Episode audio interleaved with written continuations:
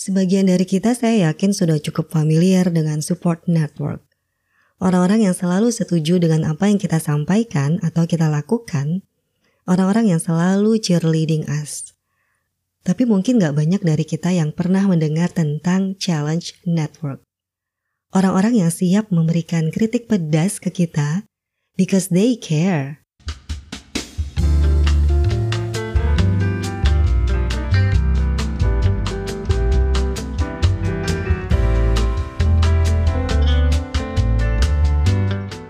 Kamu sedang mendengarkan Repair, Retailing Experience, Ideas, and Information. Kali ini topik retailing saya adalah tentang Challenge Network yang lagi-lagi terinspirasi oleh bukunya Adam Grant, Think Again. Apa sih sebenarnya Challenge Network ini dan kenapa ya kita perlu? Pembahasan tentang Challenge Network di buku ini dimulai dengan penjelasan dua tipe konflik yaitu relationship conflict dan task conflict. Relationship conflict ini sifatnya personal, emosional, syarat akan friksi dan hal-hal yang kasar. On the other hand, task conflict ini adalah argumentasi tentang ide dan opini, which is bisa menjadi hal yang sehat. Dalam suatu tim, relationship conflict ini biasanya akan merusak tim's performance, sementara task conflict dikaitkan dengan higher creativity dan better decision making. Ketika kita berada di tes konflik, ketegangan yang terjadi ini sifatnya intelektual, bukan emosional gitu ya. Jadi nada bicara orang-orang yang sedang ada di tes konflik itu tegas, berapi-api iya, bersemangat gitu ya, tapi tidak agresif, tidak kasar, dan tidak merendahkan mereka push each other to do better karena mereka tuh saling percaya gitu ya, saling peduli. Bukan ada niatan untuk menjatuhkan. Adam Grant ini di bukunya cerita gitu ya bahwa untuk kita bisa mengambil satu keputusan yang lebih baik, yang uh, more compelling, kita perlu berada dalam task konflik dan untuk bisa menghadirkan tas konflik ini lebih sering gitu ya kita perlu banget untuk mengelilingi diri kita dengan yang namanya challenge network. Nah, challenge network ini adalah orang-orang yang care sama kita. Tapi cara mereka mengekspresikan sayangnya ini berbeda. Mereka mengekspresikannya dengan memberikan kritik-kritik tajam ke kita karena mereka percaya bahwa kita bisa menerimanya dan kita akan menggunakannya untuk menjadi lebih baik. Mereka mengkritik kita bukan karena mereka insecure. Mereka mengkritik kita karena mereka percaya kita bisa lebih baik dari apa yang kita lakukan saat ini. Orang-orang di Challenge Network ini berperan penting dalam proses kita belajar dan berkembang. Mereka akan improve kemampuan kita untuk mempertanyakan asumsi dan keputusan kita bersama mereka kita bisa membangun confident humility yang sempat saya bahas juga di episode sebelumnya, yaitu percaya diri dengan kemampuan kita nih untuk belajar dan beradaptasi, while kita juga stay humble terhadap hal-hal yang kita nggak tahu. Dan kita realizing bahwa, oh iya kemampuan kita yang kita punya saat ini nih masih belum cukup. Semakin kita mampu menormalisasi ketidaktahuan, kita akan makin canggih nih untuk bisa belajar dan bertumbuh. Menurut Adam Grant, challenge network ini baiknya diisi oleh disagreeable givers. Apa itu disagreeable givers? Sebelum menjelaskan itu, saya mau retelling dulu nih tentang perbedaan givers dan takers. Jadi, givers ini adalah orang-orang yang constantly asking, "What can I do for you?" Mereka eager untuk sharing knowledge dan solving problems. Mereka menikmati ngebantu orang lain. Dan kalau di konteks kerjaan, givers ini orangnya nggak hitungan gitu ya. Jadi dia mau untuk melakukan hal-hal lebih dari apa yang ada di job description-nya karena dia pengen timnya efektif. Takers kebalikannya. Mereka adalah orang-orang yang constantly asking, "What can you do for me?" Takers senang sama hal-hal yang interesting aja buat dia, project-project yang visible dan kalau di kerjaan biasanya cenderung ngelimpahin pekerjaan-pekerjaan yang gak enak ke orang lain. Dan biasanya suka overclaim nih atau seeking credit dari sebuah capaian yang sebenarnya capaian bersama atau capaian tim. Takers biasanya berusaha untuk mengambil keuntungan sebanyak-banyaknya dengan berkontribusi yang seminimal mungkin. Nah, Adam Grant ini sempat cari tahu juga sebenarnya seberapa banyak sih perbandingan populasi keduanya. Dia lalu mensurvei lebih dari 30 ribu orang dari berbagai industri dan budaya. Temuannya adalah mayoritas orang-orang itu ada di tengah-tengah antara giving dan taking. Mereka memiliki style ketiga yaitu matching. Matcher, orang-orang yang memiliki style ketiga ini berupaya untuk menciptakan keseimbangan antara give and take.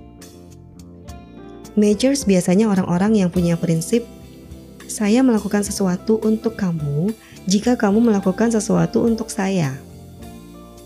Jadi interaksinya itu transaksional. Mereka menggunakan perhitungan dan nalar mereka ketika berhubungan dengan orang lain. Nah biasanya major kalau ketemu takers ini bawaannya suka pengen punishing gitu ya. Karena mereka percaya hidup itu harus adil, harus seimbang antara give and take. Anyway, di luar tiga itu ada personality traits yang namanya agreeableness dan disagreeableness. Agreeable people adalah orang-orang yang hangat, santun, sopan, ramah. Mereka juga welcoming gitu ya Sementara disagreeable people adalah orang-orang yang critical, yang skeptical dan mereka ini uh, challenging. Awalnya Adam Grant berasumsi bahwa orang disagreeable itu pasti masuk dalam kelompok takers. Sebaliknya orang yang agreeable itu pasti givers. Tapi ternyata hasil studinya tidak menunjukkan adanya korelasi tentang pengelompokan ini. Jadi tidak semua disagreeable itu pasti takers dan tidak semua agreeable itu pasti givers. Agreeableness dan disagreeableness ini adalah traits luaran kita aja.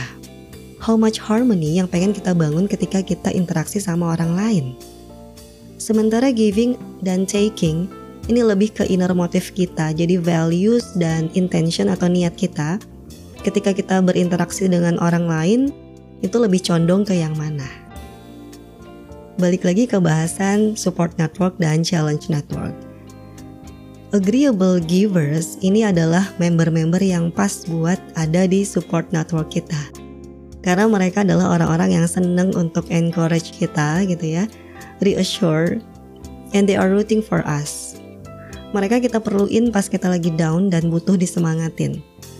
Masalahnya, agreeable people ini gak suka konflik. Mereka biasanya sungkan untuk ngasih tahu ke kita hal-hal yang perlu kita pikirkan atau pertimbangkan ulang. Supaya kita bisa berpikir dan berpikir ulang secara efektif, kita butuh disagreeable givers di network kita. Nah, ini adalah challenge network yang kencang di permukaan gitu ya, kritis, debat terus, tapi sebenarnya mereka ini melakukan itu karena mereka punya niat baik untuk ngebantuin kita. They challenge because they care.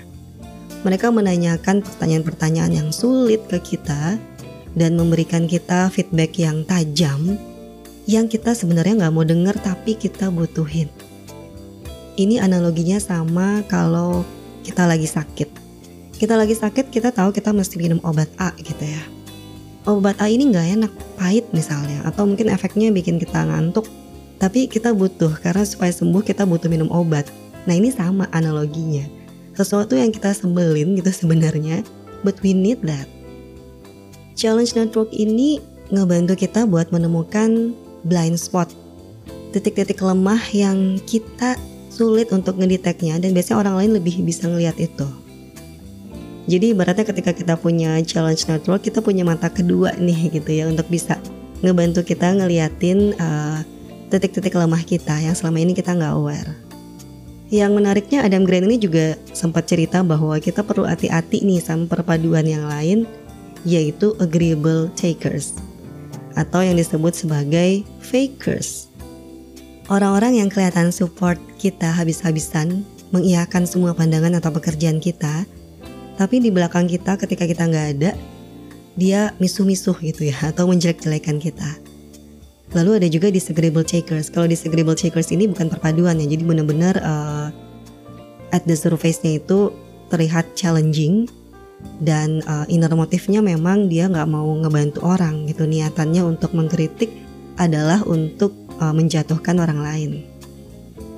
Oke, okay, sampai di sini kalau kita udah mulai aware bahwa oke okay, kita butuh nih challenge network gitu ya. Oke, okay, challenge network ini akan membantu ketika diisi oleh uh, disagreeable givers yang perlu diingat adalah bahwa challenge network ini tidak naturally ada begitu aja. Tapi kita perlu create environment yang memungkinkan challenge network ini bisa berperan optimal.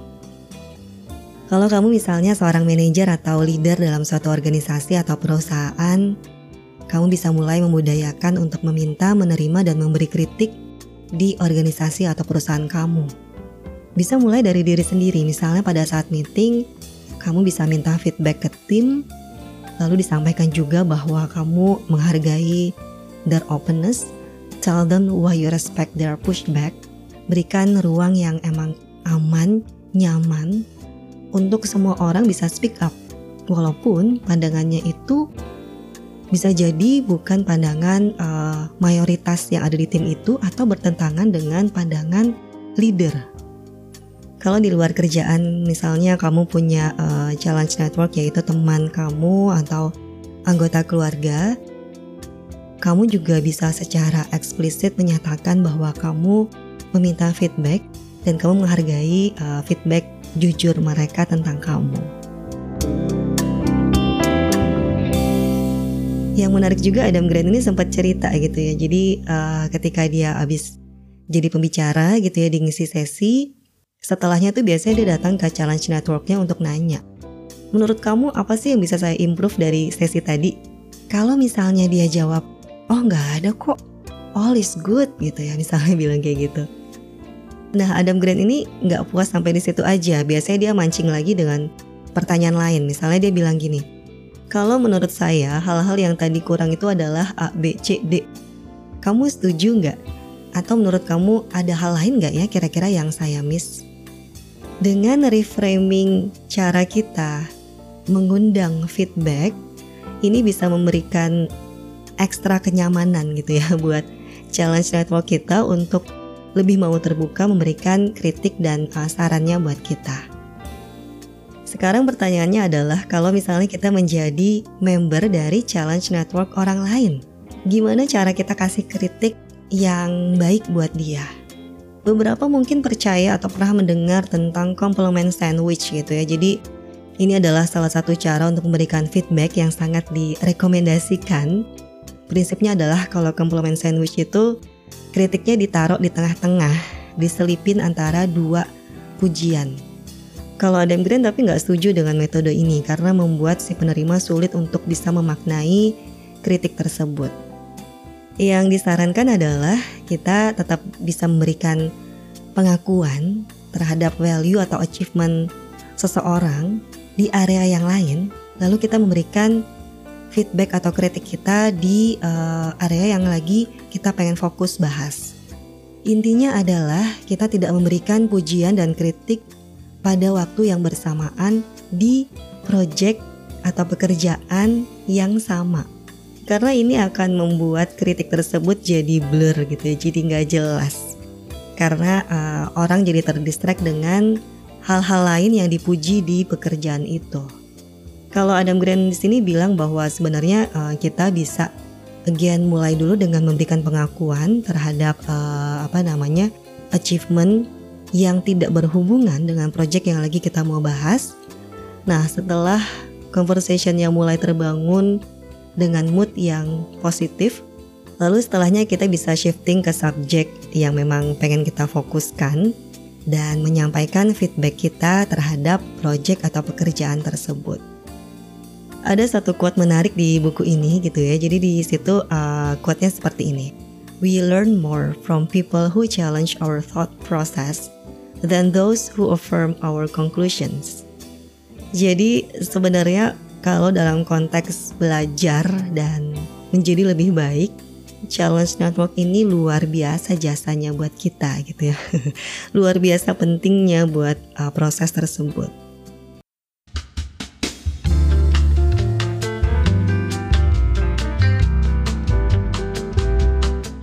Itu dia retailing kali ini, mudah-mudahan ada faedahnya. Buat kamu yang belum menemukan challenge network, mudah-mudahan segera dipertemukan. Dan buat kamu yang sudah punya nih challenge network, be grateful, disayang-sayang challenge networknya karena mereka adalah benar-benar aset yang sangat berharga buat proses kita belajar, buat proses kita untuk berkembang menjadi orang yang lebih baik. Sementara kalau saat ini kamu menjadi member dari challenge network orang lain, mudah-mudahan kita bisa menjadi a graceful challenger yang bisa senantiasa untuk tetap firm gitu ya, tetap honest dalam memberikan feedback, memberikan kritik kita dan tetap bisa meluruskan niat untuk ngebantu orang tersebut. Terima kasih buat yang sudah stay sampai akhir di episode kali ini. Take a good care of yourself. I'll see you soon in more episode in Repair.